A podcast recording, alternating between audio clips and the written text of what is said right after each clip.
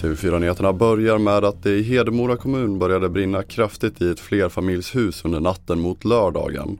Allmänheten ringde 112 klockan halv två men redan när de första brandbilarna kom fram var branden fullt utvecklad.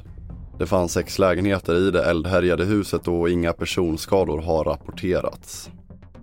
Vidare till Göteborg där en man i 25-årsåldern har gripits misstänkt för två mordförsök, det skriver Göteborgs-Posten. Polis larmades till platsen runt klockan fem med anledning av ett bråk och två personer ska ha attackerats av mannen enligt tidningen. De två personerna ska enligt polisen vara vakna och talbara. Och minst åtta personer har hittills bekräftats döda efter en attack mot ett hotell i Somalias huvudstad Mogadishu.